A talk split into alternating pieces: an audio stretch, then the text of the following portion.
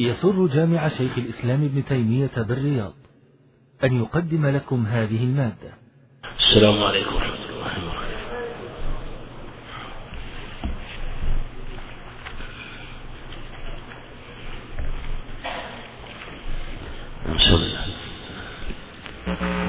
بسم الله الرحمن الرحيم.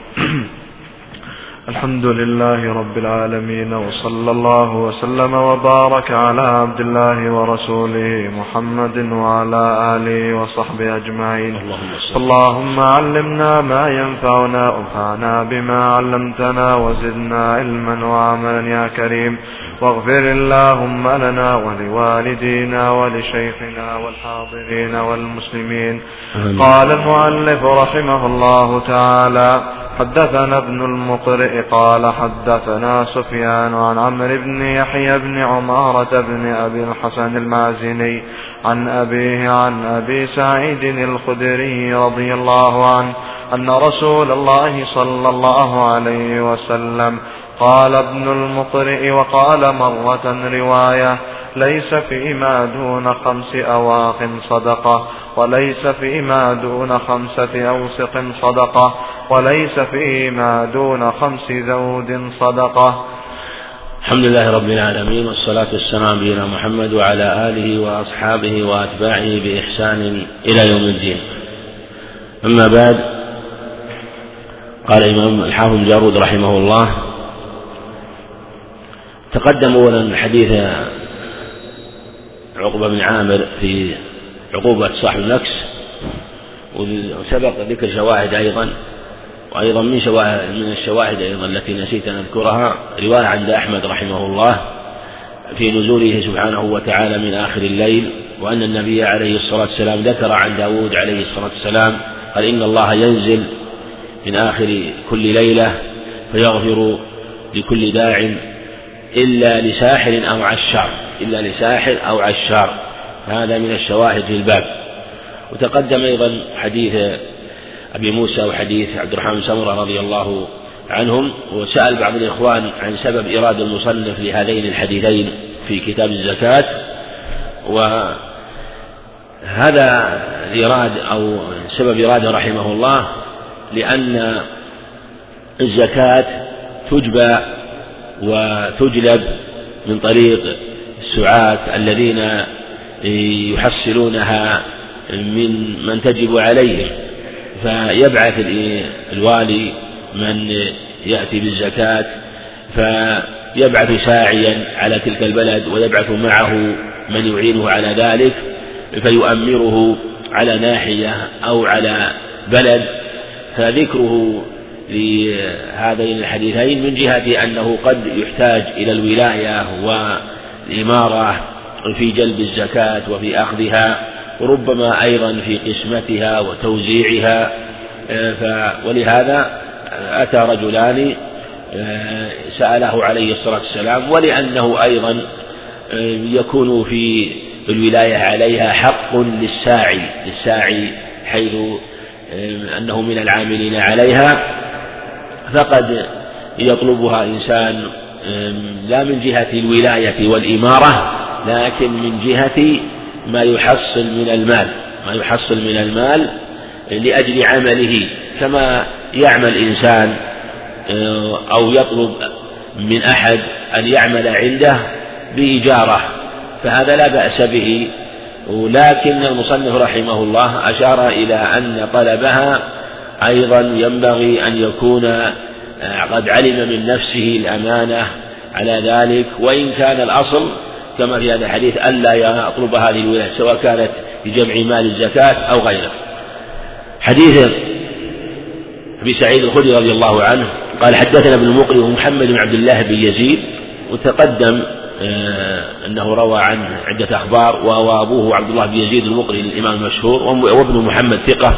حدثنا سفيان هو ابن عيينة الإمام المشهور عن عامر بن يحيى بن عمارة بن أبي حسن ثقة من رجال الجماعة عن أبيه آه، وهو يحيى بن عمارة بن أبي حسن وهو كذلك ثقة من متوسط التابعين من رجال الجماعة. عن أبي سعيد الخدري سعد بن مالك بن سنان من بني الخدر رضي الله عنه توفي سنة أربع وستين وقيل سنة أربع وسبعين اختلف في وفاته رضي الله عنه. أن رسول الله صلى الله عليه وسلم قال ابن المقرئ وقال مرة رواية رواية يعني عن النبي عليه الصلاة والسلام. ليس فيما دون خمس أواق صدقة وليس فيما دون خمسة أوسق صدقة وليس فيما دون خمس ذود صدقة. ما يتعلق بالأوساق سيأتي بعد حديث وما يتعلق بالذود أيضا سيأتي في حديث أنس. أما الأواقي أيضا سيأتي الإشارة إليها في حديث أنس أيضا في آخره. والأواق خمس أواق صدق ليس فيما دون خمس أواق خم ليس فيما دون خمس أواق صدقة والأواقي جمع أوقية والأوقية أجمع العلماء أنها أربعون درهما. خمس الأواقي مئتا درهم. وفي حديث أنس في صحيح البخاري وإذا كانت وإذا كانت مئة وتسعين كما سيأتي فليس فيها شيء فليس فيها شيء. يعني إذا لم يكن إلا تسعين ومئة فليس فيها صدقة إلا أن يشاء ربها لأنها لم تبلغ النصاب لم تبلغ مئتي درهم.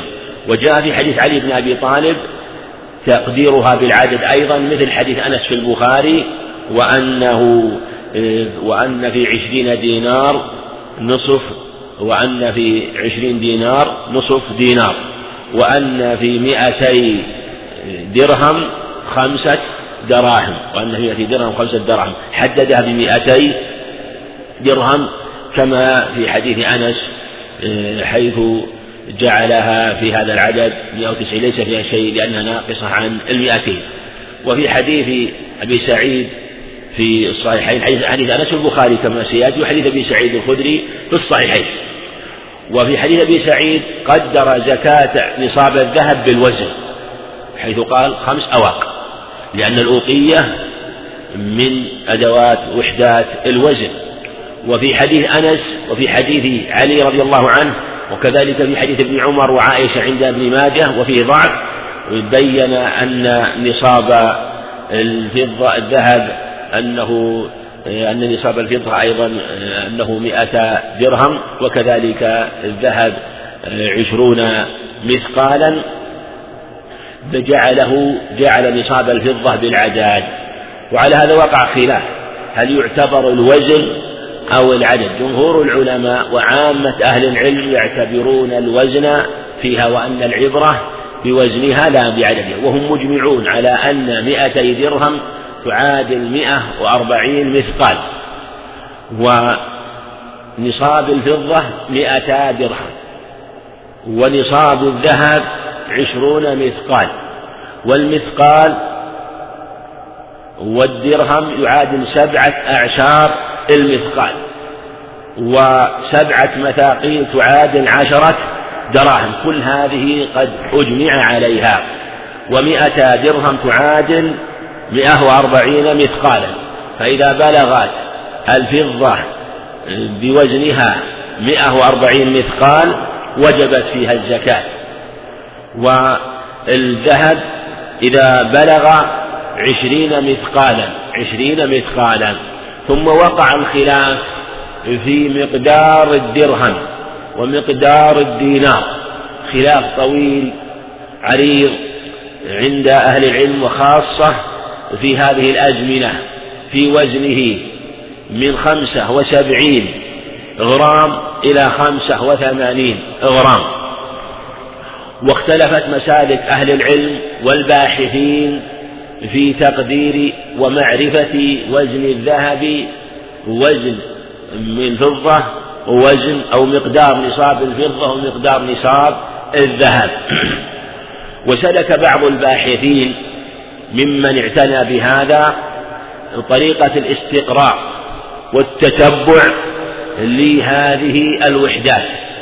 وقالوا إن أنفع طريقة وأحسن طريقة هي طريقة التتبع والبحث عن هذه الوحدات التي هي الدرهم والدينار. ولا شك أن مما حصل لأهل الإسلام أنه لم تحفظ حفظا في أماكن خاصة تحفظ في بلاد المسلمين حتى تعرف المقادير في وحدات الذهب في الدرهم والدينار. وذلك أنها كانت في عهد النبي عليه الصلاة والسلام الدراهم نوعان. درهم يزن ثمانية دوانيق ودرهم يزن ستة دوانيق. وأن هذه الدوانيق النوعان طبرية وبغلية. طبرية وبغلية ست ثمانية دوانيق وأربعة دوانيق. وقالوا إنها كانت تأتي من بلاد فارس ومن بلاد الروم. ثم لم يزل الأمر كذلك حتى كان عهد عبد الملك بن مروان رحمه الله. ثم ضرب الثمان ضرب الدرهم الذي هو ثمانية دوانيق بالدرهم الذي هو ستة آه، أربعة دراهم. فجعلها درهمين فجعلها درهمين لأن مجموع الثمانية والأربعة اثنا عشر دانا فجعلها درهمين كل واحد ستة دوانيق بغلية وطبرية درهم بغلي ودرهم طبري تسمى. وقالوا إن هذه الدراهم قد وجد منها في متاحف في بلاد أوروبية وفي أماكن آه، قد وجد منها وحدات معروفة آه، عليها آه، يعني عليها الكتابة التي توثق وتبين صحتها. فوزنت هذه الدراهم فوجد أن الدرهم يزن غرامين وسبعة وتسعين بالمئة من الغرام. وقيل خمسة وتسعين بالمئة من الغرام. وأن المثقال يزن أربع غرامات وخمسة وعشرين بالمئة من الغرام. وهذا في الحقيقة واضح لأنك إذا نسبت إذا نسبت اثنين وسبعة وتسعين بالمئة إلى أربعة وخمسة وعشرين بالمئة فهي نسبة سبعة إلى عشرة. هذا يبين صحة هذه الدراهم وهذه الدنانير وأن هذا الوزن وزن مضبوط. وعلى هذا إذا تحرر أن الدرهم غرامان وسبعة وتسعين في المئة من الغرام أو خمسة وتسعين يعني فرق يسير. والمثقال وهو الدينار أربع غرامات وخمسة وعشرين أربع غرامات وخمسة وعشرين. وإذا كان نصاب الذهب نصاب الفضة مئة درهم مئة درهم. وزن الدرهم غرامان سبعة وتسعين غرام. كيف نعرف نصاب الفضة؟ نعم. نضرب ماذا؟ مئتين مئتين وسبعة وتسعين فيخرج خمسمائة أو إذا قلنا سبعة وتسعين سبعة وتسعين. خمسمائة وسبعة وتسعين غرام. نعم.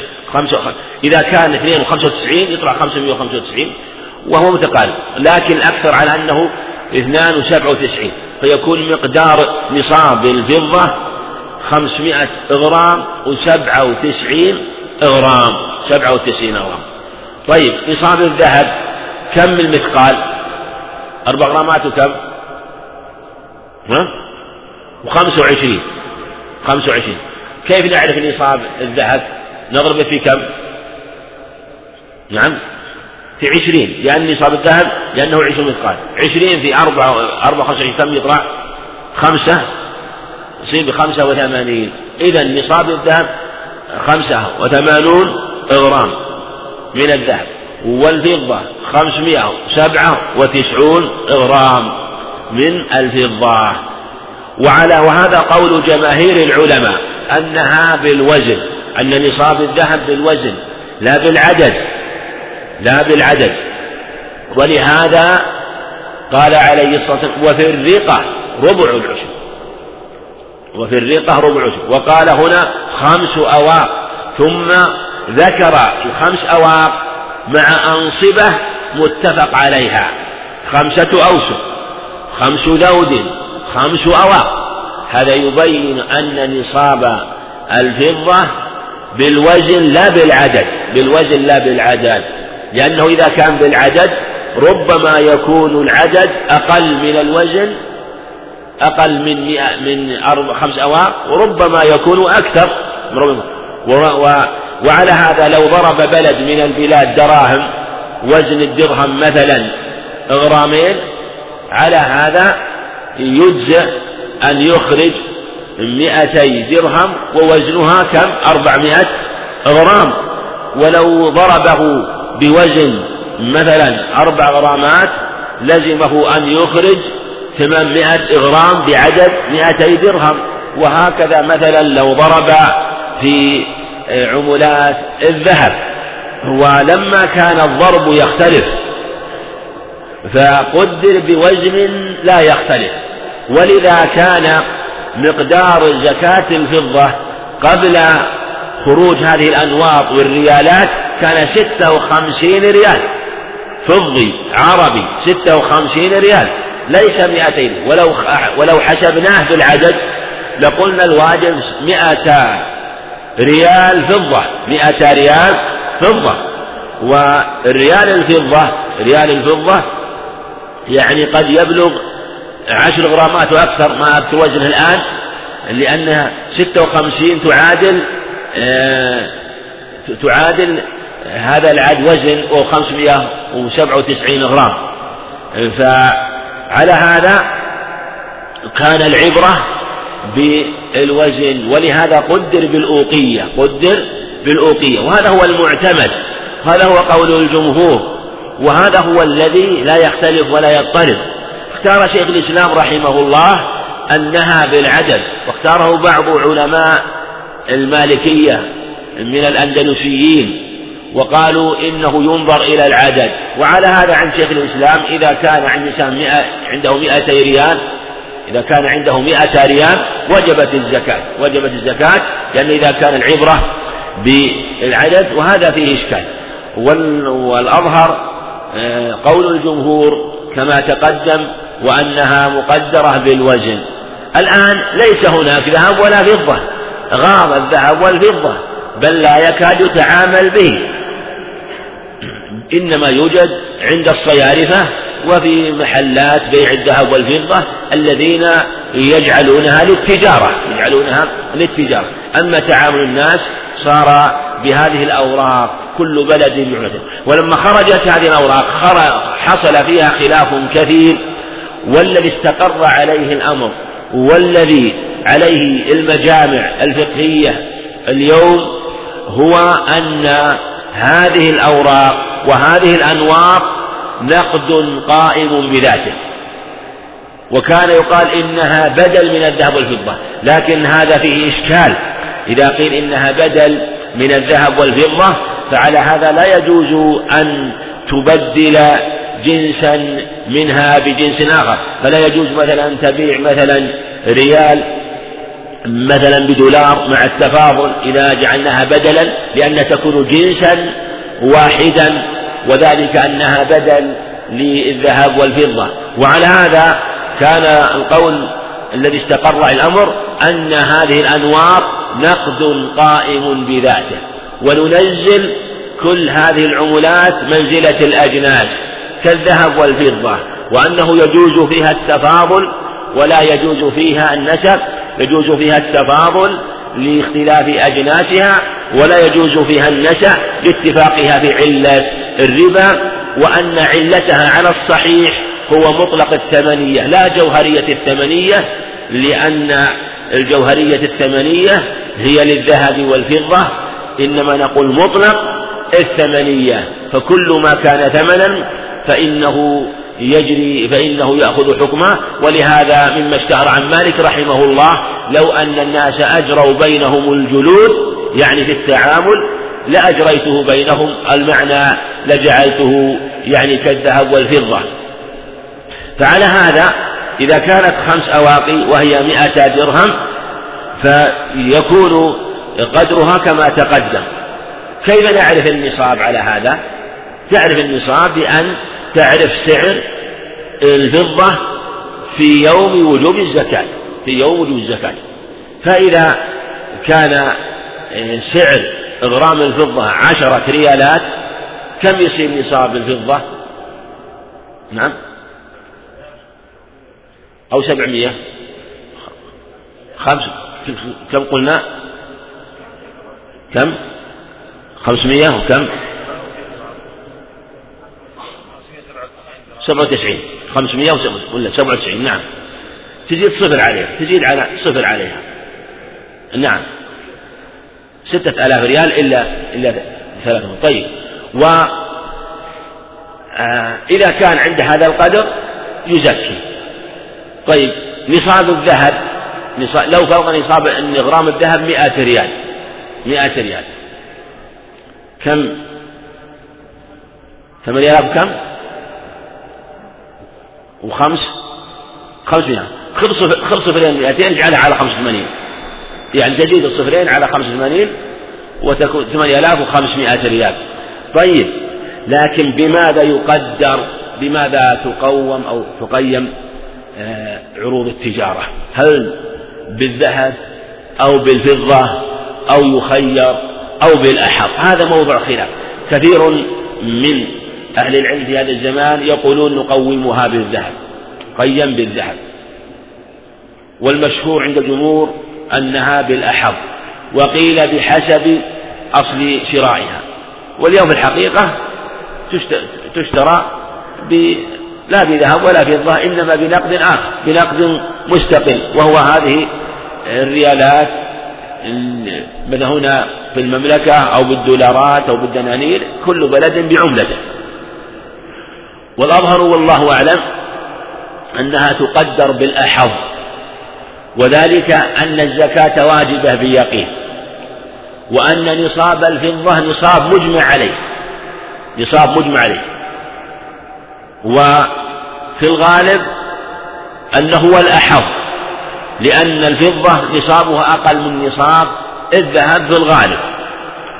ثم إن المقصود من الزكاة ليس أيضا مجرد الغنى. الغنى نوعان. غنى يوجبها يوجب الزكاة ها؟ وغنى يمنعها وغنى يمنعها. فقد يجب عليه تجب عليه الزكاة بحكم الغنى الذي أوجبها وتحل له الزكاة بفوات الغنى الذي يمنعها. فلا يلزم من وجوب الزكاة الغنى. وذلك أن الحكمة من ذلك هو تنقية المال أو تزكية المال وتطهير المال ونماء المال وشكر النعمة على وجود هذا المال فالزكاة تنميه وتزكيه وتطهره. وعلى هذا الأظهر أنها تكون بالفضة. بالفضة ولو فرض أن الفضة كانت أغلى كانت بالذهب. يعني إذا كانت تجب في أحد النصابين دون الآخر أوجبناها عليه. ولهذا لو أن إنسان عنده سائمة سائمة مثلا عنده أربعون شاة للتجارة يتاجر فيها. فإن تجب عليه فيها زكاة ماذا؟ التجارة وهي سائمة. هي في البرية لكن يبيع ويشتري للتجارة هل تجب زكاة التجارة أو زكاة السوم؟ زكاة التجارة قيل زكاة التجارة وهذا قول مختار. وقيل زكاة السوم لأنها مجمع عليها. لكن لو أنه قو لو أنه لما قيمها بنصاب الفضة ما بلغت نصاب وهي أربعون لو فرض ذلك فيلزمه أن يزكيها زكاة سهم الرجال. فلا نسقط الزكاة عنها. لا نسقط الزكاة عنها. فإما أن يزكي زكاة تجارة إذا بلغت نصاب التجارة أو زكاة السوم إذا لم تبلغ نصاب آه، الفضة أو الذهب. مع أن القول الثاني لمالك والشافعي تجب فيها زكاة السوم لكن الشأن أن الزكاة إذا وجبت إذا وجب في أحد النصابين وجب إخراجها وهذا هو الأقرب. وليس فيما دون خمسة أوسق وسيأتي شرح الحديث في سيذكر المصنف رحمه الله بعد أحاديث صدقة. وليس فيما دون خمس ذود صدقة من الإبل. والحديث إسناده صحيح وهو متفق عليه. نعم. نعم. قال حدثنا عبد الله بن هاشم قال حدثنا يحيى هو بن سعيد عن بهز بن حكيم قال حدثني أبي عن جدي قال سمعت رسول الله صلى الله عليه وسلم يقول في كل إبل سائمة في الأربعين من الإبل بنت لبون لا تفرق إبل عن حسابها. من أعطاها مؤتجرا بها فله أجرها. ومن منعها فإن آخذوها وشطر إبله عزمة من عزمات ربنا. لا يحل لآل محمد منها شيء. نعم. حدثنا عبد الله بن هاشم. هذا هو الطوسي ثقة من شيخ مسلم. حدثنا يحيى بن سعيد القطان وهو الإمام المشهور عن بهز بن حكيم وابن عامر بن حيدة القشيري ولا بأس به. حدثني أبي حكيم معاوية عن جد جدي وجده معاوية بن حيدة القشيري صحابي جليل مات غازيا رضي الله عنه. وبهز بن حكيم إذا صح السند إليه فهو حجة واحتج به الأئمة رحمة الله عليهم ومنهم من صح روايته فهي رواية معتمدة وسلسلة جيدة قريب من سلسلة عمرو بن شعيب عن أبيه عن جده ومن رواية محمد بن عمرو بن علقمة عن أبي سلمة عن أبي هريرة وأمثال هذه الروايات. ومحمد بن عجلان عن أبي صالح عن أبي هريرة ويصح العجلان ربما يكون أرفع. قال سمعت رسول الله صلى الله عليه وسلم يقول في كل إبل سائمة وهذا الحديث رواه أحمد وأبو داود وإسناده حسن. في كل إبل سائمة في الأربعين إبل بنت لبون. قول السائمة يبين أن الزكاة لا تجد إلا في السائمة. وسيأتي أيضا في حديث أنس في صحيح البخاري أن في سائمة الغنم. جاء القيد في السائمة وجاء القيد في سائمة الإبل وسائمة الغنم. وهذا هو قول الجمهور خلافا للمشهور مذهب مالك رحمه الله. ومنهم من قال إن هذا عام ومنهم من قال إنه مطلق. ونازع القرافي رحمه الله في حمل هذا وقال إن هذا ليس من باب المطلق ولا من المقيد إنه من باب العام والخاص. وذلك أن السائمة لفظ عام لفظ عام. لأن أن يعني الإبل وأنه وصف عام فإذا قيد بالسائمة خص منها وأخرجها من عموم وجوبها في الإبل ومن عموم وجوبها في الغنم عموما. لكن الأظهر وقول الجمهور لأن ذكر السائمة وصف وقيد ولا يمكن أن يكون هذا الوصف مهدرا سواء قيل إنه خاص أو مطلق. قيد قيل إن ما بالتخصيص أو ما بالتقييد لا يضر. ما دام أنه جاء بلفظ السائمة فيكون هذا مقصودا منه عليه الصلاة والسلام. وذلك أنه لو لو كان ذكر السائمة وعدم ذكره سواء لكان ذكره زيادة. في المبنى مع أنه ربما يكون نقصا في المعنى وحاشاه عليه الصلاة والسلام. وذلك أن هذا القيد يكون ذكره في هذا المقام لا يحصل به الفائدة المطلوبة إذا قيل إنه يجب في السائمة وفي غير السائمة والنبي قال في كل إبل سائمة وذكر في الغنم السائمة ولا يمكن أن نقول هذا مثلا مجرد تأكيد بل لا بد أن يكون لفظا مقصودا ويكون تأكيدا لخصوص السائمة تأكيدا لخصوص السائمة حيث قيدها. وهذا هو قول الجمهور كما تقدم. في الأربعين من إبل. قول في الأربعين هذا لا مفهوم. المفهوم لاغ زيادة ونقصا يعني قد يقال في الأربعين ما دون الأربعين ليس فيها بنت لبون وما فوق الأربعين تخالف. لا. هذا القيد أو هذا المفهوم لاغ ومطرح زيادة ونقصا فمن ست وثلاثين إلى خمسة, خمسة وأربعين فيها بنت لبون. لا يتغير الفارق. لحديث أنس. لحديث أنس رضي الله عنه. في كل سائمة في الأربعين من لكنه عليه الصلاة ذكر عددا معينا مما تجب فيه الإبل. بنت لبون. لا تفرق ابن عن حسابها. كما قال عليه الصلاة والسلام لا يفرق بين مجتمع ولا يجمع بين مفرق. فإذا كان مجتمعين وكان اجتماعهم فيه زيادة فلا يفرق.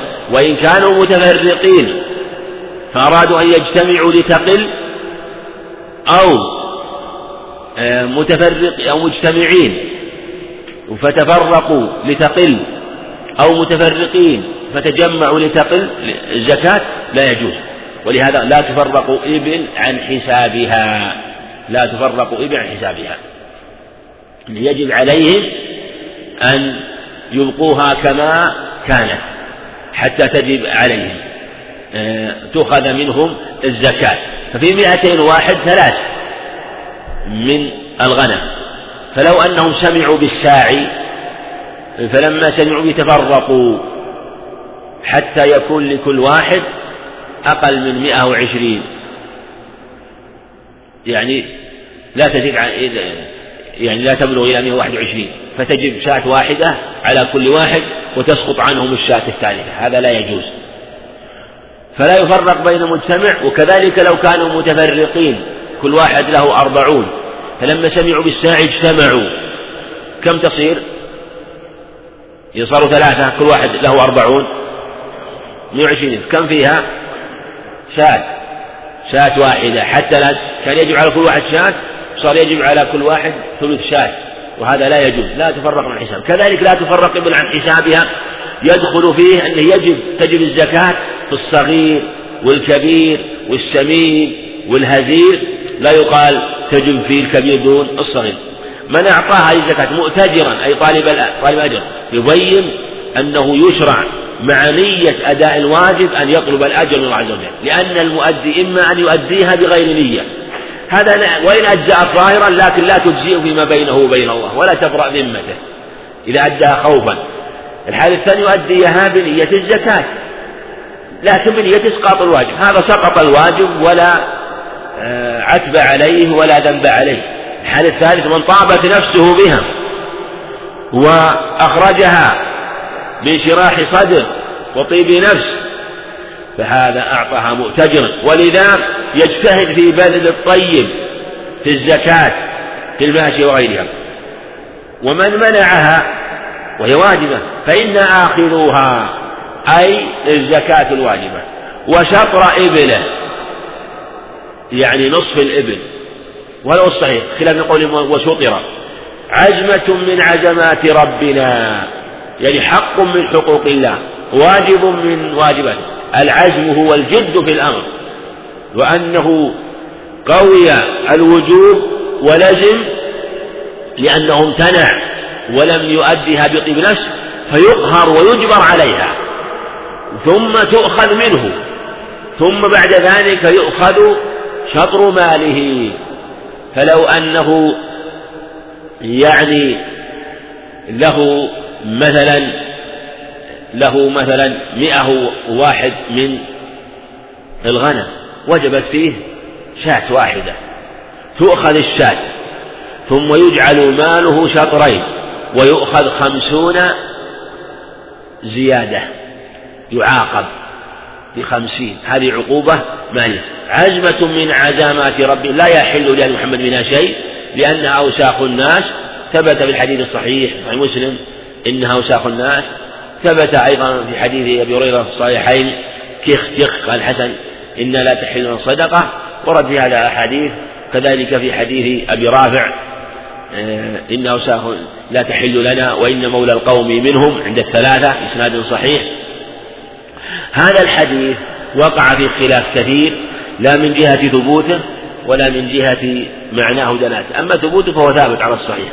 أما معناه فالصحيح ما دل على الخبر. وأن العقوبة المالية مقررة خلافا للجمهور وهو رواية مذهب أحمد ومالك والشافعي وقول أبي يوسف وقاله جمع من العلماء واختاره أيضا جمع من علماء المالكية رحمه الله وذكره ابن فرحون رحمه الله في تبصرة الحكام عن ابن القطان الفاسي رحمه الله وأنه كان ربما حرق بعض الثياب أو بعض الملابس المغشوشة أو التي يكون فيها خديعة من باب العقوبة لأصحابها.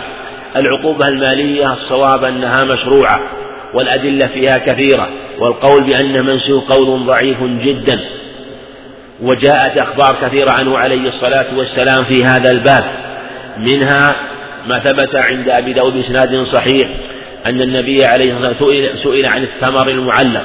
قال من أخذ بفيه من ذي حاجة غير متخذ خبنة فلا شيء عليه ومن خرج منه بشيء فعليه غرامة مثليه والعقوبة ومن أخذ منه بعد أن يؤويه الجرين فبلغ ثمن الجن جن فعليه القطع ومن أخذ دون ذلك فعليه غرامة مثليه والعقوبة وقال غرامة مثليه والعقوبة. كذلك زيد بن خالد الجهني عند أبي داود في الضالة المكتومة غرامتها ومثلها معها غرامتها ومثلها معها يعني حينما يكتم الضالة ولا يؤيد ضالة إلا ضال. وكذلك في أخبار عدة عنه عليه الصلاة والسلام في الحديث المروي أنه حرق متاع الغال وفعل ذلك أبو بكر وعمر رضي الله عنهم وحرق عمر بيت رويشد الثقفي.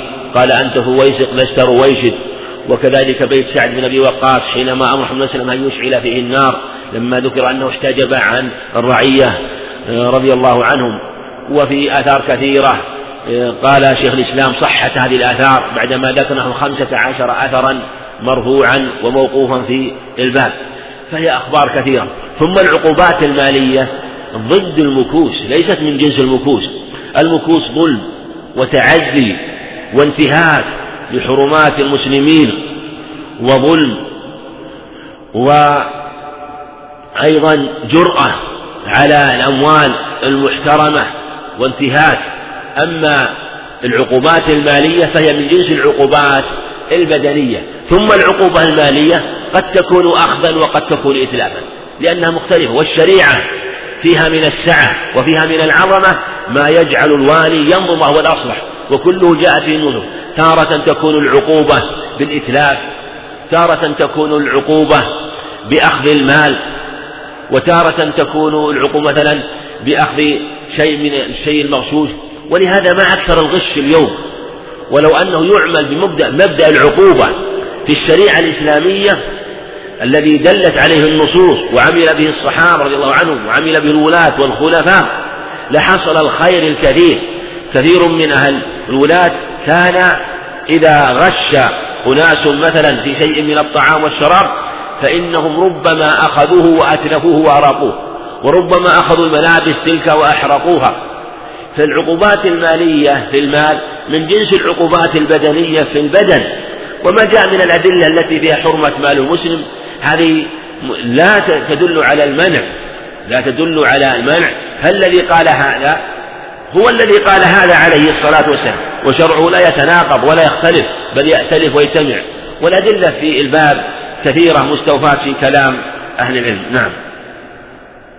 الله عليك قال حدثنا محمد بن يحيى قال حدثنا محمد بن عبد الله بن المثنى بن عبد الله بن أنس بن مالك ابن أنس بن مالك رضي الله عنه الأنصاري.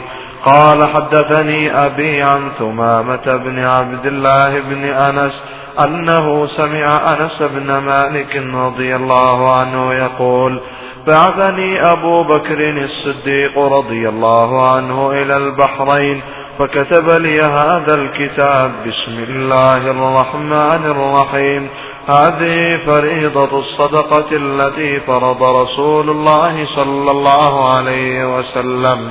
على المسلمين التي أمر الله بها رسوله صلى الله عليه وسلم فمن سئلها من المؤمنين على وجوهها فليعطها ومن سئل فوقه فلا يعطه فلا يعطه. في أربع وعشرين من الإبل فما دونها الغنم في كل خمس شاة فإذا بلغت خمسا وعشرين إلى خمس وثلاثين ففيها بنت مخاض ففيها بنت مخاض أنثى فإن لم تكن بنت مخاض أنثى فابن لبون ذكر فإن بلغت ستة وثلاثين إلى خمس وأربعين ففيها بنت لبون فإذا بلغت ستة وأربعين إلى ستين ففيها حقة ففيها حقة طروقة الجمل. فإذا بلغت إحدى وستين إلى خمس وسبعين ففيها جذعة فإذا بلغت ستة وسبعين إلى تسعين ففيها ابنتا لبون. فإذا بلغت إحدى وتسعين إلى عشرين ومائة ففيها حقتان طروقة الجمل. فإذا زادت على عشرين ومائة ففي كل أربعين بنت لبون. وفي كل خمسين حقة وفي كل خمسين حقة. فإذا تباين أسنان الإبل في فرائض الصدقات من بلغت عنده صدقته من الإبل الجذعة وليس عنده جذعة وعنده حق حقة. فإنها تقبل منه الحقة ويجعل مع شاتين إن استيسرتا أو عشرين درهما فمن بلغت صدقته الحقة وليست عنده الحقة وعنده الجذعة فإنها تقبل منه الجذعة ويعطيه المصدق عشرين درهما أو شاتين. ومن بلغت صدقته الحقة وليس عنده إلا ابنة لبون فإنها تقبل منه بنت لبون ويعطي معها شاتين أو عشرين درهما. فمن بلغت صدقته بنت لبون وليست عنده وعنده حقة فإنها تقبل منه الحقة ويعطيه المصدق عشرين درهما أو شاتين. ومن بلغت صدقته بنت لبون وليست عنده وعنده بنت مخاض فإنها تقبل منه بنت مخاض ويعطي معها عشرين درهما أو شاتين. ومن بلغت صدقته بنت مخاض ومن بلغت صدقته بنت مخاض وليست عنده وليست عنده وعنده بنت لبون فإنها تقبل منه ابنة لبون. ويعطيه المصدق عشرين درهما أو شاتين. فمن لم يكن عنده بنت مخاض على وجهها وعنده ابن لبون ذكر فإنه يقبل منه ابن لبون, ابن اللبون وليس معه شيء فمن لم يكن معه إلا أربع من الإبل فليس فيها شيء إلا أن يشاء ربها فإذا بلغت خمسا من الإبل ففيها شاه. نعم. الله عليك قال وفي صدقة الغنم في سائمتها إذا كانت أربعين شاة ففيها شاة إلى عشرين ومئة فإذا زادت على عشرين ومائة إلى أن تبلغ مئتين ففيها شاتان فإذا زادت على المئتين إلى ثلاثمائة ففيها ثلاث شياة. فإذا زادت على ثلاثمائة شاة ففي كل مائة شاة ولا يخرج ولا يخرج في الصدقة هرمة ولا ذات عوار ولا تيس إلا إلا أن يشاء المصدق. ولا يجمع بين متفرق ولا يفرشات فليس فيها فليس فيها صدقة إلا أن يشاء ربها. وفي النقة ربع عشر فإذا لم يكن ماله إلا تسعين ومائة درهم فإذا لم يكن ماله إلا تسعين ومائة درهم فليس فيها صدقة. فليس فيها صدقة إلا أن يشاء ربها. رحمه الله. حدثنا محمد بن يحيى. حدثنا محمد عبد الله. بن يحيى الزهري تقدم مرارا محمد عبد الله بن مثنى بن عبد الله بن أنس بن مالك ثقة رجال جماعة.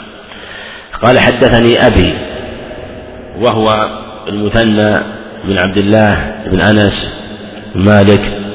قال حدثني أبي حدثنا محمد عبد الله وهو عبد الله هذا عبد الله حدثني أبي هو عبد الله ابن المثنى عبد الله وهذا صدوق كثير الغلط كثير الغلط. كما أيضا كما يتبين من ترجمته أيضا في التهذيب البخاري رحمه الله لم يحتج به إلا عن عمه ثمامة. عمه ثمامة. وأما عن غير عمه فروى له متابعة في مواضع.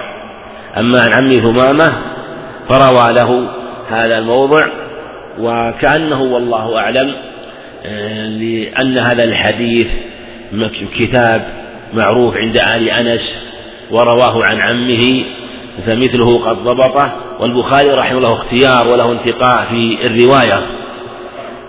من عرف طريقة تبين ذلك.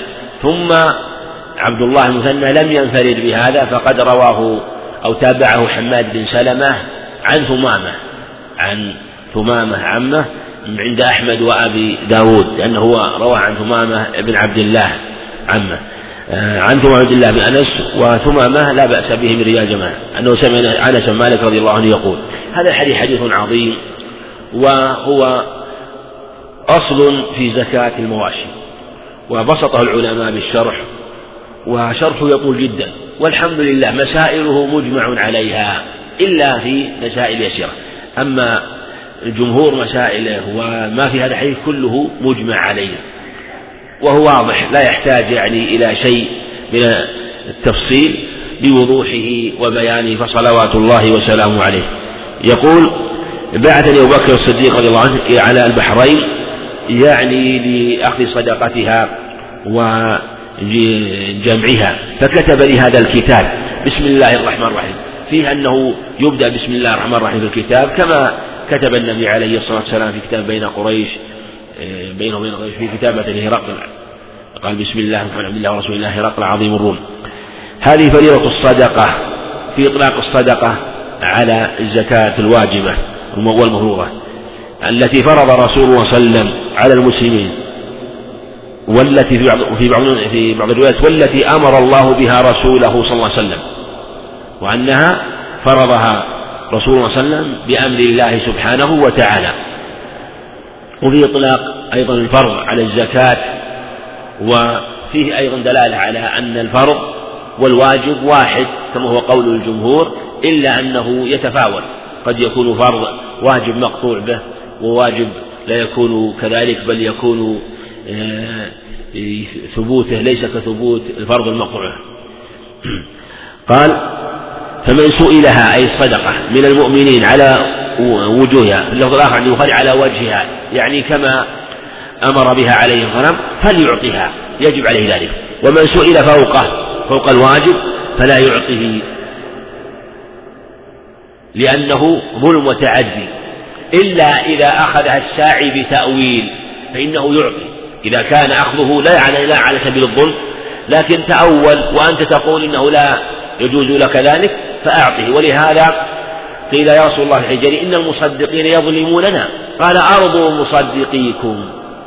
أرضوا مصدقيكم وفي الحديث الآخر حديث جابر بن عتيك أنهم قالوا له عليه الصلاة والسلام يعني إن المصدقين أيضا بنحو حديث بنحو جرير أنهم يظلموننا قال لهم لا يصدر عنكم مصدق إلا وهو راض.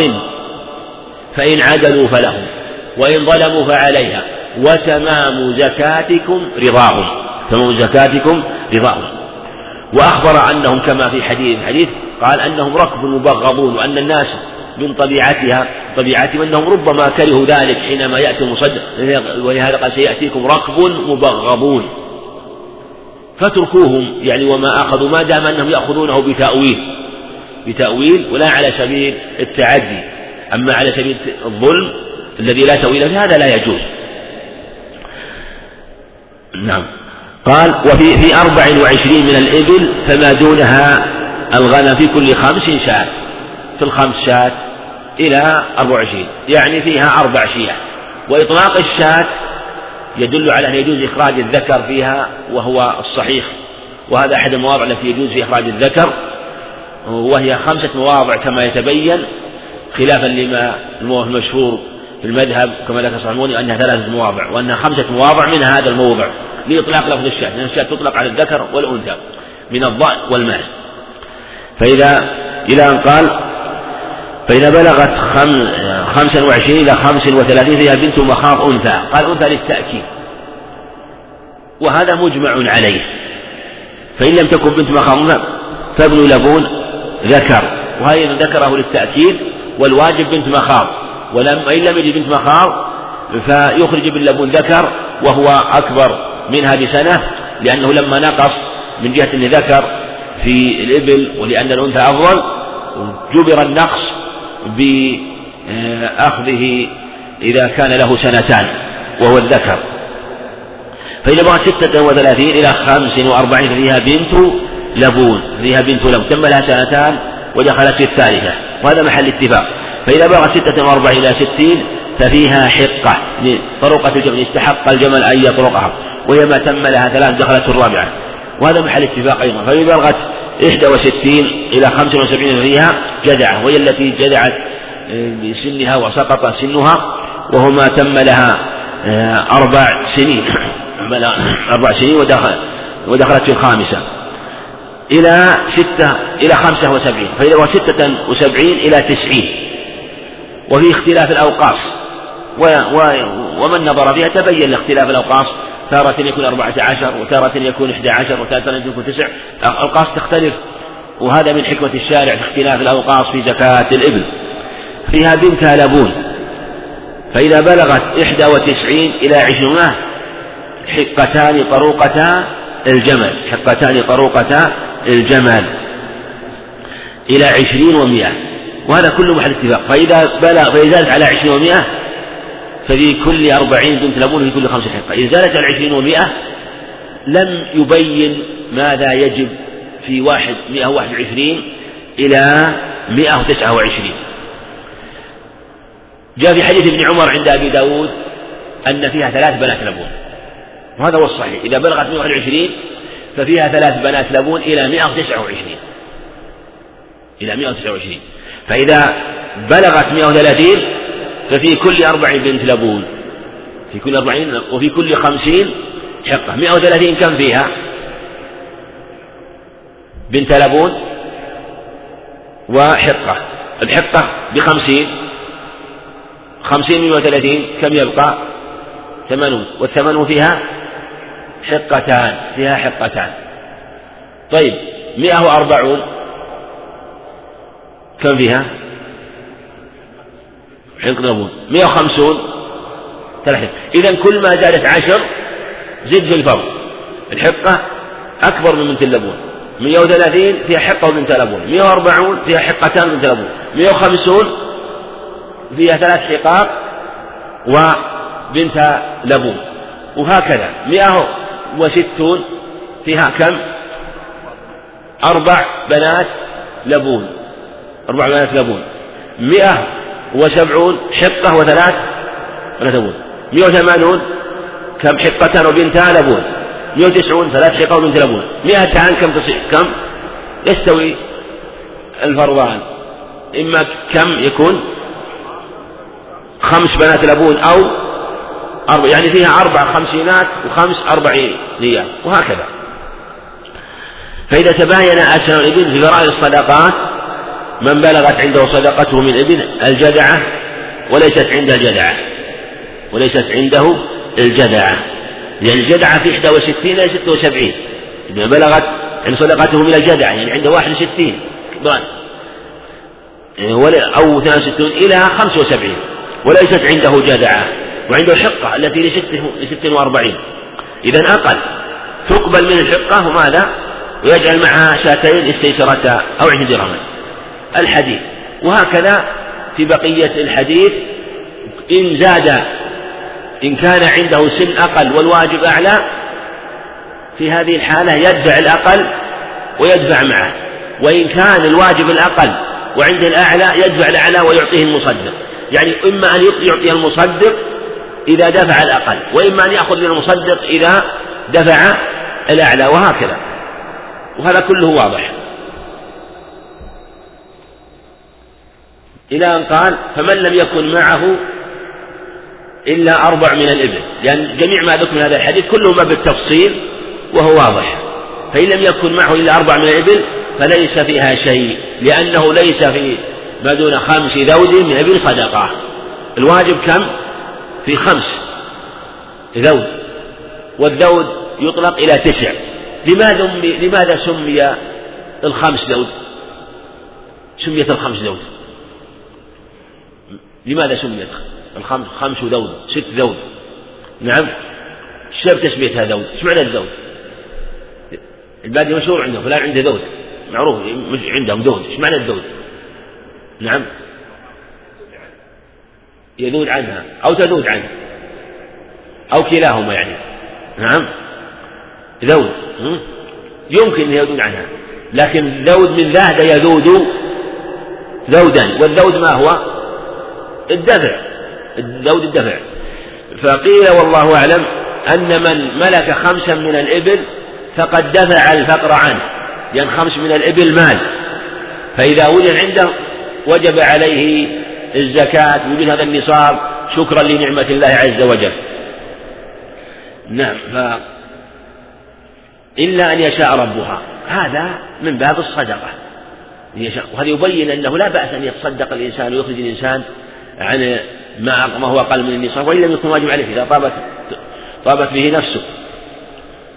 ولهذا جاء في سنة أبي داود بسند صحيح هذا الذي وجب عليك هو يعني دفعت يعني خيرا منه آه، فبارك الله لك قبلها النبي عليه الصلاة والسلام ودعا له في ابنه. إلا أن يشربه في خمسة من خمسا من الإبل فيها شاة وفي صدقة الغنم في سائمتها. هذا في البخاري موجود أيضا. إذا كانت أربعين شاة فيها شاة. هذا أيضا موضع الثاني مما يجزي فيه الذكر. الموضع الثالث تقدم معنا ما هو؟ ابن اللبون مكان ماذا؟ ابن بنت المخاض.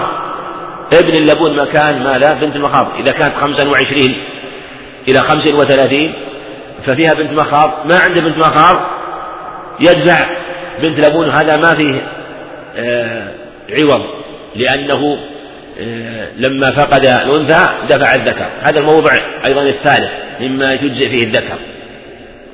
وهذا الموضع وهذا الموضع أيضا أطلق الشاة فالصحيح أن الشاة تجزئ سواء كان ذكر أو لكن لا بد أن تكون إن كانت من الغنم إن كانت من الضأن تكون جدعة وإن كانت من المعز ثنية. أما الإبل فمن بنت مخاض إلى الجدعة الثنية ما تجب في الإبل. الإبل الواجب فيها بنت مخاض بنت لبون حقة جدعة أربع. يعني أسنان. أما الشاة أما الغنم فهو سن واحد.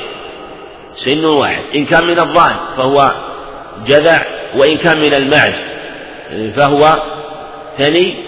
البقر سيأتينا تبيع ومسنة. تبيع ومسنة. في أربعين وفي في ثلاثين وفي أربعين. أربعين. وهذا كما تقدم في اختلاف سن الإبل بحسب قلتها وكثرتها وتحملها كلما كثرت الإبل كلما ارتفع السن.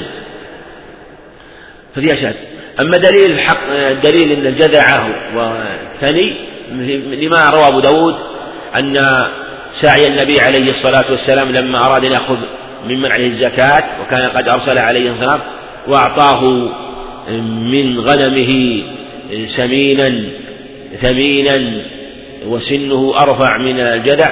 قال قال الصحابي رضي الله عنه إنما حقنا في الجدع والثنية. حقنا في الجدع يعني الجدع من الضأن والثنية من المعز هذا يبين أنها مثل الأضاحي ما يجزئ فيها إلا ما يجزئ في الأضاحي. وفي صدقة الغنم في سائمتها إذا كانت أربعين شاة شاة ففيها شاة إلى عشرين ومئة. هذا وقص من أربعين من واحد وأربعين إلى مئة وعشرين. كله وقص. كله وقص. لا يزيد الفرق بزيادته فإذا زادت على عشرين ومئة يعني صارت مئة وعشرين إلى أن تبلغ مئتين فيها شاتان. إلى مئتين وواحد. ففيها ثلاث شياة. إلى. إلى كم؟ إلى ثلاثمائة وتسعة وتسعين. هذا أكبر وقص الوقص ما بين النصابين في الزكاة. كم هذا الوقص؟ كم هو؟ مئة وثمانية؟ وتسعون من مئة يعني زالت مئتين واحد وما فوقها إلى 193 198 شاة هذا وقص. الواجب فيه ثلاث شاة إذا بلغت 400 كم فيها؟ ألف شاة كم فيها؟ عشر هكذا في كل 200 شاة. فإذا زادت عن 200 300 فيها ثلاث شاة فإذا زادت على 300 فإذا زادت على 300 شاة على ثلاثمائة شاة ففيه كل مائة شاة ولا يخرج الصدقة هريمة ولا عوار ولا تيس إلا إن شاء المصدق. اختلف في هذا الاستثناء وأنه ينظر المصدق بحسب الحال فيرى آه، هذه البهيمة هل يخرج هذا أو هل من مصلحة يخرج هذا؟ واختلف في الاستثناء هل هو على المصدق أو المصدق؟ ولا يجمع بين المتفرق ولا يفرق بين المتفرق خشية الصدقة. هذا على الصحيح خشية الصدقة يعني خشية أن تزيد أو خشية ماذا؟ أن تنقص. فالمصدق يريد أن تزيد والمتصدق يريد أن تنقص. فلا يجمع لأجل أن تنقص بدأ يكون أن يكونوا ثلاثة لكل واحد أربعون فيجتمع حتى في مشاكل ولا يتفرقون لتقل. وهكذا. والمصدق كذلك. لا لو كانوا ثلاثة في 120 فلا يفرقهم. يقول كل واحد يأتيني بأربعين فيأخذ الأشياء هذا لا يجوز له ما داموا مجتمعين. وهذا دليل على الخلطة. وهو قول الجمهور على خلطة الأوصاف. لأنه لا يفرق ويجتمع ولا يجوز يفرق. هذا يدل على خلطة الأوصاف. ولهذا قال وما كان من خليطين فإنه ما يتراجع بين سوي. والتراجع يدل على أنه متميز هذا لا يكون في خلطة الأوصاف. لكن الخلطة هذه بماذا تكون؟ في خلاف طويل. المذهب في مذهب أحمد رحمه الله ثلاثة وعشرون طريقة لكيفية ضبط الخلطة. وليبين ما هناك الذي ورد حديث ضعيف في المحلب والمسرح والأظهر والله أعلم أنها في المرعى والمبيت. هذا هو الصحيح في هذه المسألة.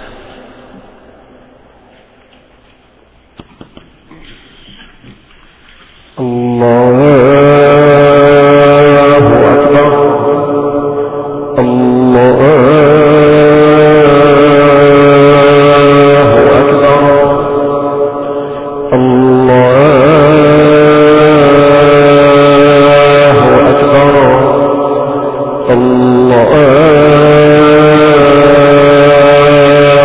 أكبر أشهد أن لا إله إلا الله أشهد أن لا إله إلا الله أشهد أن محمد رسول الله أشهد أن أن محمد رسول الله. حي على الصلاة. حي على الصلاة. حي على الفلاح. حي على الفلاح. الله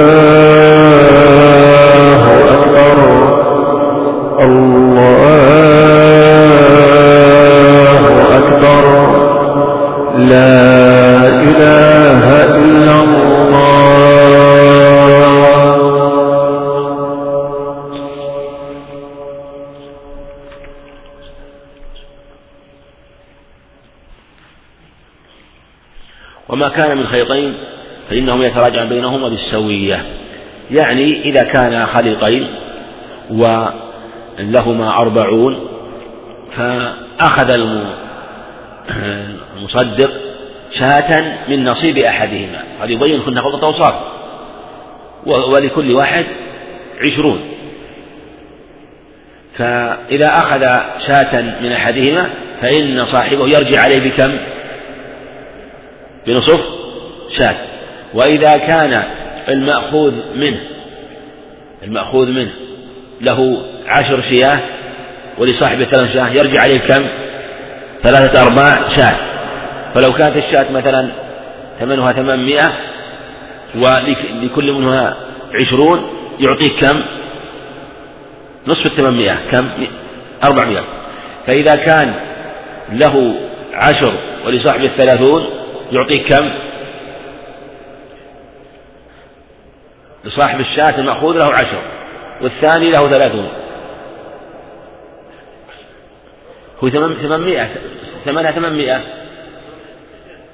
وله منها الربع.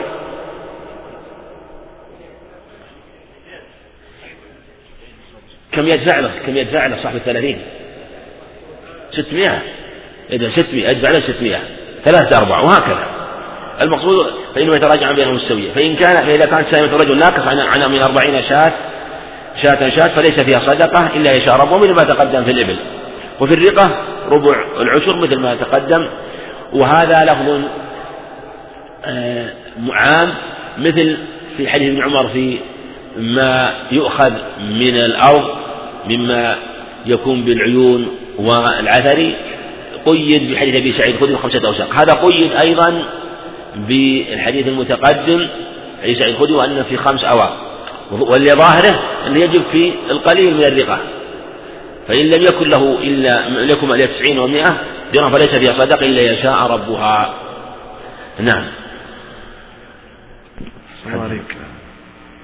قال حدثنا أحمد بن يوسف قال حدثنا عبد الرزاق قال أخبرنا سفيان حاء وحدثنا أحمد بن سعيد الدارمي قال حدثنا قبيصة قال حدثنا سفيان عن الأعمش عن أبي وائل عن مسروق عن معاذ رضي الله عنه أن النبي صلى الله عليه وسلم بعثه إلى اليمن فأمره أن يأخذ من البقر من كل أربعين مسنة ومن كل ثلاثين تبيعا أو تبيعة وقال أحمد بن يوسف قال بعثه النبي صلى الله عليه وسلم إلى اليمن فأمره. حدثنا أبو سعيد الأشج قال حدثنا عبد السلام يعني ابن حرب قال أخبرنا خصيف عن أبي عبيدة عن أبي عبيدة عن عبد الله رضي الله عنه عن النبي صلى الله عليه وسلم قال في ثلاثين من البقر تبيع أو تبيعة وفي أربعين مسنة. نعم حدثنا أحمد يوسف هذا أبو الحسن النيسابوري تقدم ثقة حافظ رواه مسلم حدث عبد الرزاق بن همام بان سفيان الثوري وعبد الرزاق إذا قالت حدثنا سفيان في الغالب يكون الثوري. روايته عن ابن عيينة ليست موجودة في الصحيحين موجودة عند أبي داود روايته الأكثر والأغلب عن سفيان الثوري. وحدثنا أحمد بن سعيد هذا الحافظ أبو, أبو جعفر المصري ثقة حافظ رجال الشيخين. حدثنا قبيصة هو ابن عقبة. آه قال حدثنا سفيان آه هو الثوري عن عمش وسليمان بن عن أبي وائل عن مسروق الأجدع وأبو وائل شقيق بن سلمة عن مسروق هو بن الأجدع عن معاذ رضي الله عنه. هذا الحديث رواه الخمسة من طريق مسروق ورواه أبو داود من طريق أبي وائل عن معاذ وسيأتي أيضا عند المصنف من رواية أبي عبيدة فقال حدثنا أبو سعيد الأشج وهو عبد الله بن سعيد الكندي من رجال الجماعة وقال حدثنا عبد السلام بن حرب هذا هو النهدي حافظ رحمه الله لكن له بعض المناكير كما ذكر في ترجمته قال أنبأنا خصيف هو بن عبد الرحمن الجزري عن أبي عبيدة بن عبد الله مسعود عن عبد الله رضي الله عنه. حديث له علتان رواية من طريق خصيف وفي ضعف وأبو عبيدة المشهور عند الجمهور لم يسمع من أبيه منهم من أثبت سماعه منه. لكن حديث الشواهد هو من باب الحسن لغيره خاصة حديث معاذ جاء له أيضا شاهد آخر من رواية علي رضي الله عنه من رواية عاصم ضمرة عن علي. وهذا الحديث حديث عبد الله بن مسعود الثاني رواه الترمذي وأحمد من هذا الطريق أيضا. فالحديث صحيح وقع الإجماع عليه وقع الإجماع عليه. ومسروق أثبت سماعه جمع من أهل العلم من معاذ وقالوا يبعد أن يكون مسروق مسروق لم يسمع من معاذ فقد عاصره وولد في اليمن. آه، رحمه الله ورضي عنه. فالحديث دال على ما فيه من المعنى وهو زكاة البقر وهو محل اتفاق العلم أنه في كل أربعين مسنة وهي ما تم لها سنتان ودخلت الثالثة وفي كل ثلاثين تبيع ما تم له سنة ودخل في الثانية. قال أحمد يوسف قال أو تبيع أو تبيع. قال وقال أحمد يوسف بعثه النبي صلى الله عليه وسلم إلى اليمن فأمره. يعني وبعث معاذ مشهور معروف بعث معاذ مشهور ومعروف. وعلى هذا زكاة البقر تبدأ بثلاثين. وفيها تبيع. وفي الأربعين مسنة. وعلى هذا تكون ربما اجتمع التبيع والمسنة وربما انفردا فالستون فيها تبيعان والسبعون تبيع مسنة والثمانون فيها تبيع كم؟ مس... ها؟ الستون فيها تبيعان والسبعون فيها تبيع ومسنة والثمانون فيها مسنتان والتسعون فيها ثلاثة أتبعة والمئة فيها مسنة وتبعان وهكذا مثل ما تقدم في الإبل كلما زادت عشرة كلما تغير السن. يعني تزيد السن الأعلى. كل ما زاد عشرة تزيد السن تزيد واحدة في السن الأعلى تزيد في المسنة وهكذا.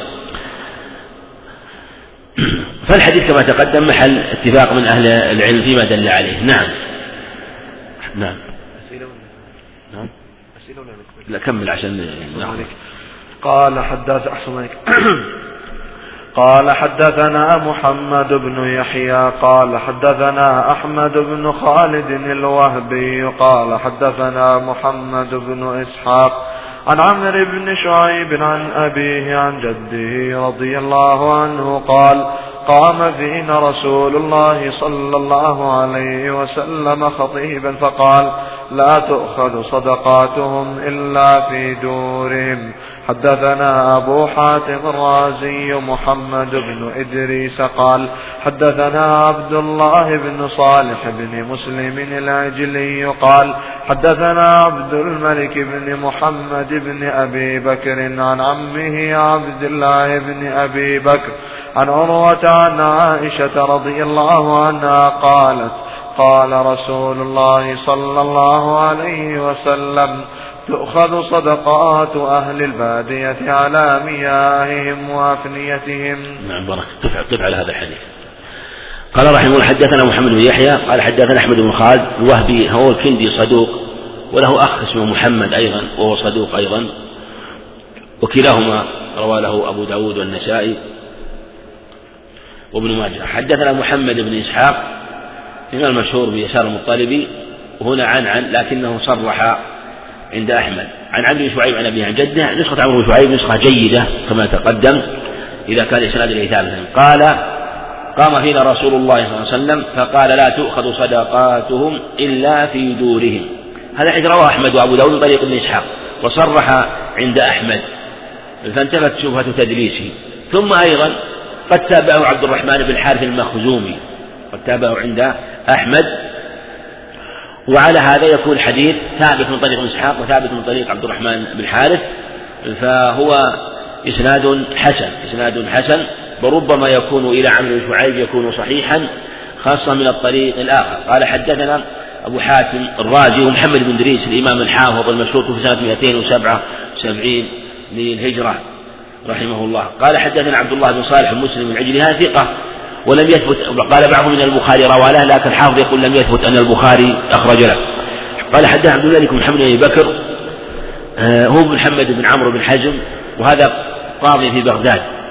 لا أدري عن ترجمته. أما عمه فهو من رجال التقريب عبد الله بن أبي بكر محمد بن عمرو بن حزم وهو ثقة رواه الشيخان. عن عروة عن عائشة رضي الله عنها قالت قال الرسول صلى الله عليه وسلم تؤخذ صدقات أهل البادية على مياههم وأفنيتهم. حديث عبد الله بن عامر آه، له آه، روايات.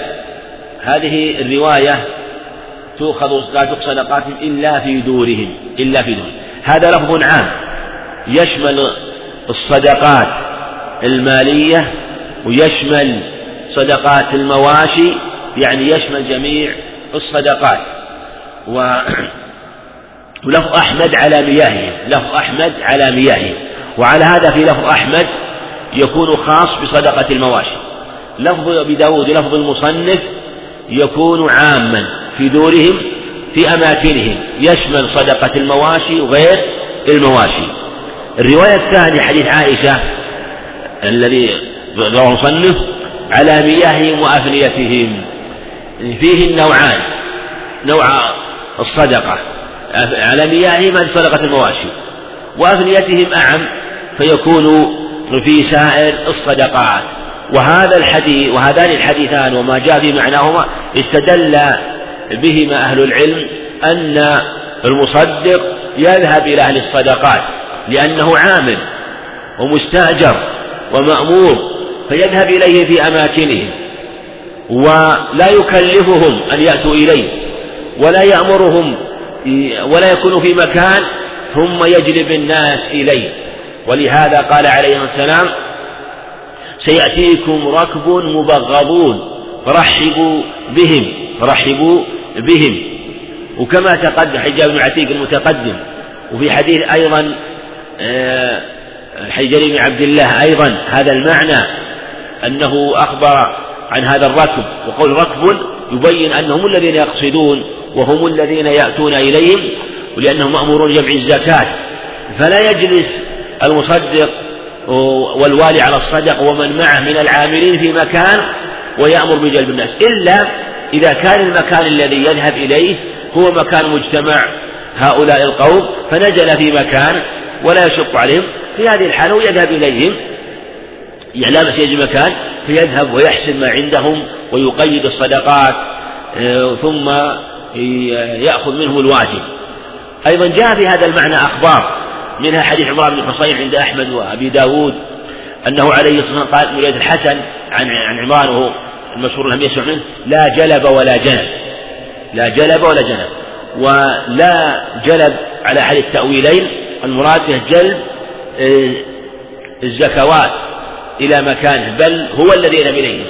وجاء هذا من حديث أنس ومن حديث ابن عمر من حديث أنس وحديث ابن عمر عند أحمد وحديث ابن عمر في سنة ضعف لكن حديث أنس لا جلب لا جلب في الإسلام ولا جنب في الإسلام. وهذا على شرط الشيخين. وهذا أصح الأخبار الواردة في النهي عن الجلب وأنه هو الواجب الذي يذهب إليهم كما دل عليه هذا الخبر وما جاء في معناه. والله أعلم. هذا أحد الإخوان يسأل عن أفضل طبعات كتاب المنتقى الجارود. أنه الحقيقة ما عندي معرفة في أفضل طبعات المنتقى. لكن يمكن أن يعني أن يسأل عن ذلك. هل له طبعات متوفرة؟ يعني يمكن أن يميز بينها. ويمكن أيضا طالب العلم أنه لو كان عنده أكثر من طبعة أن يقارن ما بينها فيكمل إحدى النسختين الأخرى لو كان فيها شيء من النقص والتصحيح. نعم. الله عليك. يقول السائل لماذا لا نقول أن الصحيح في الخلطة أن مرجعها العرف فما عده الناس لماذا لماذا لماذا؟ أحسن عليك. يقول السائل لماذا لا نقول أن الصحيح في الخلطة أن مرجعها العرف فما عده الناس خلطة؟ اعتبرناه خلطة وما عده فلا. الخلطة في العرف لا لا تنضبط. أقول لا ينضبط. يعني ثم عد الناس خلطة خلطة من يعدها؟ هذه لا تكون إلا بنظر أهل العلم في هذا.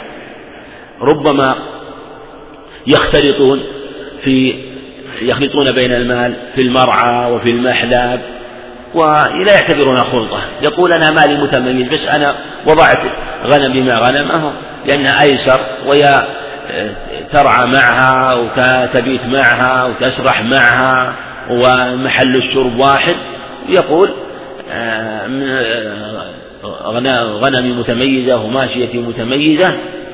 فلا يعتبرها خلطة وهي خلطة ولهذا الأظهر والله أعلم والأقرب أنه إذا كان الراعي واحدا وأنها تبيت مكان واحد هذا هو الأقرب لأنه لا ليس هناك دليل يفصل والحديث الوارد في ذكر المحلب والمرعى لا يصح. نعم. الله عليك. يقول السائل هكذا كتب السؤال كيف نوجه قوله صلى الله عليه وسلم أفلح وأبيه إن صدق؟ أفلح وأبيه على ظاهره.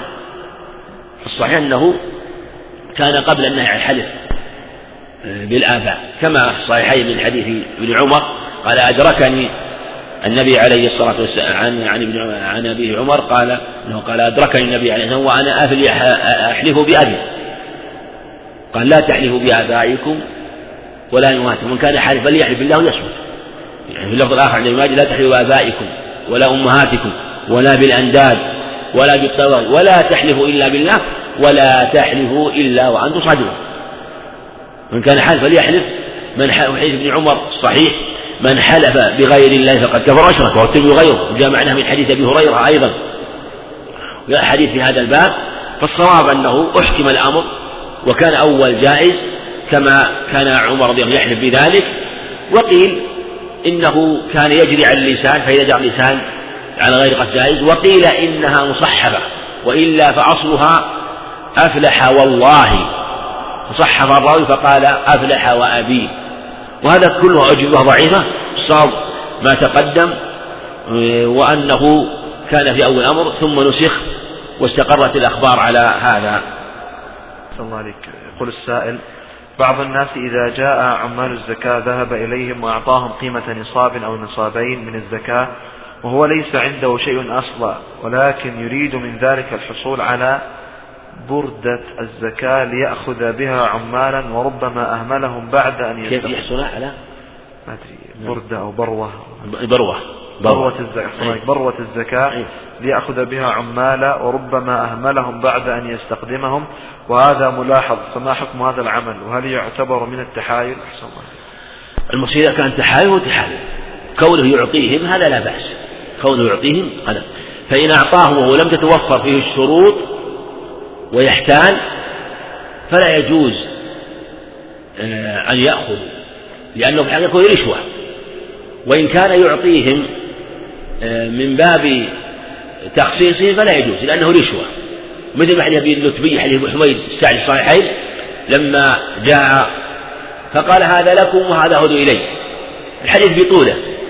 لما قال لا ألفين أحدكم يأتي يوم القيامة وعلى رقبته بعير وبقرة وشاة ثم ذكر رقاع تخفق أو صامت بطوله ثم قال في آخره هلا قعد في بيت أبيه ينظر أيعطى؟ بيت أبيه وأمه لا يعطى. فإذا كان يعطي إذا كانوا يعطون آه، العمال لأجل هذا في الغالب يعطونه على سبيل الرشوة ولا يجوز هذا. أيضا مما ينبغي التنبيه أن كثيرا من العامين على الصدقات العميل كثير منهم هم يأخذون مالا ويعطون. حينما يجمعون المال والزكاة فإنه ربما يأخذ أمير هؤلاء القوم شيئا من المال من هذه الصدقات وهي صدقات كثيرة جدا. ثم يأخذ قسما كبيرا منها فيوزعها فيأخذ هو القسم الأكبر ثم يوزع على أصحابه بزعم أنهم من العاملين. بزعم أنهم من العاملين. هذا لا يجوز هذا حرام وسحت لأنه له آه، مال من بيت المال خصص به. إنما للعاملين ما يقدر لهم من حقهم إذا كانوا متطوعين لا يأخذون بيت المال. أو كان ما يأخذونه شيئا يسيرا لا يكفي بحسب العادة فيأخذون بقدر ما يكمل أجرتهم في عملهم هذا والله أعلم وصلى الله وسلم وبارك على نبينا محمد.